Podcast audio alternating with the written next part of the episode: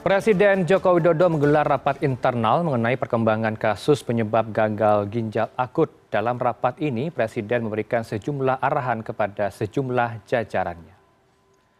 Dalam rapat internal pada Senin siang kemarin yang digelar di Istana Bogor, Presiden Joko Widodo menyampaikan data terakhir per 23 Oktober.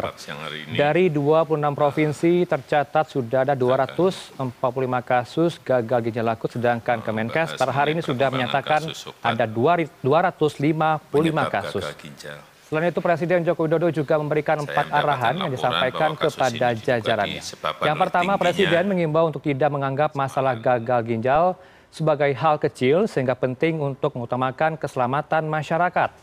Presiden juga telah menginstruksikan BPOM untuk menarik obat yang terbukti mengandung bahan penyebab gangguan ginjal. Selanjutnya, Presiden meminta Kementerian Kesehatan untuk terus menyelidiki faktor penyebab gagal ginjal mulai dari sumber maupun potensi penyebab lainnya. Saya mendapatkan siapan pengadaan obat-obatan yang dapat mengatasi, menangani dari uh, gagal ginjal ini.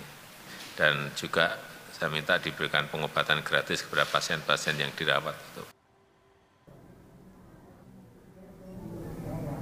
Pemerintah berusaha mempercepat pengadaan dan kedatangan fomepizol, obat penanganan gangguan ginjal akut anak.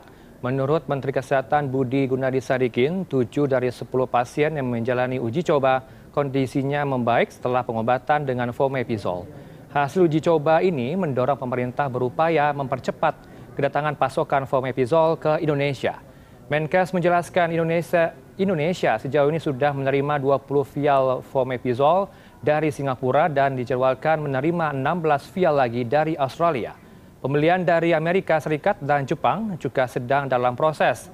Menkes menjelaskan fomepizol diberikan dengan proses satu vial per anak di tahap awal yang dilanjutkan empat kali pemberian sesudahnya.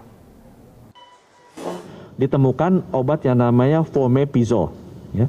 Kita sudah menerima 20 vial dari Singapura, kita menunggu mungkin dari Australia akan masuk 16 lagi, either malam ini atau besok pagi.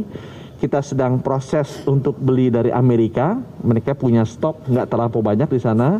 Kita juga sekarang sedang dalam proses untuk beli dari Jepang, mereka ada stoknya sekitar 2000-an. Nah ini kesiapan yang kita lakukan untuk menyediakan obat-obatnya. Dan dari obat yang sudah datang 10 kita sudah cobakan ke pasien.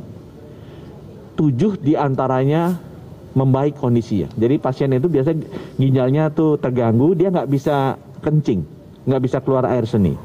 Tapi begitu dikasih obat, mereka mulai keluar bayinya sedikit demi sedikit, ada yang sudah mulai banyak, dan yang tadinya tidak sadar mulai sadar kembali.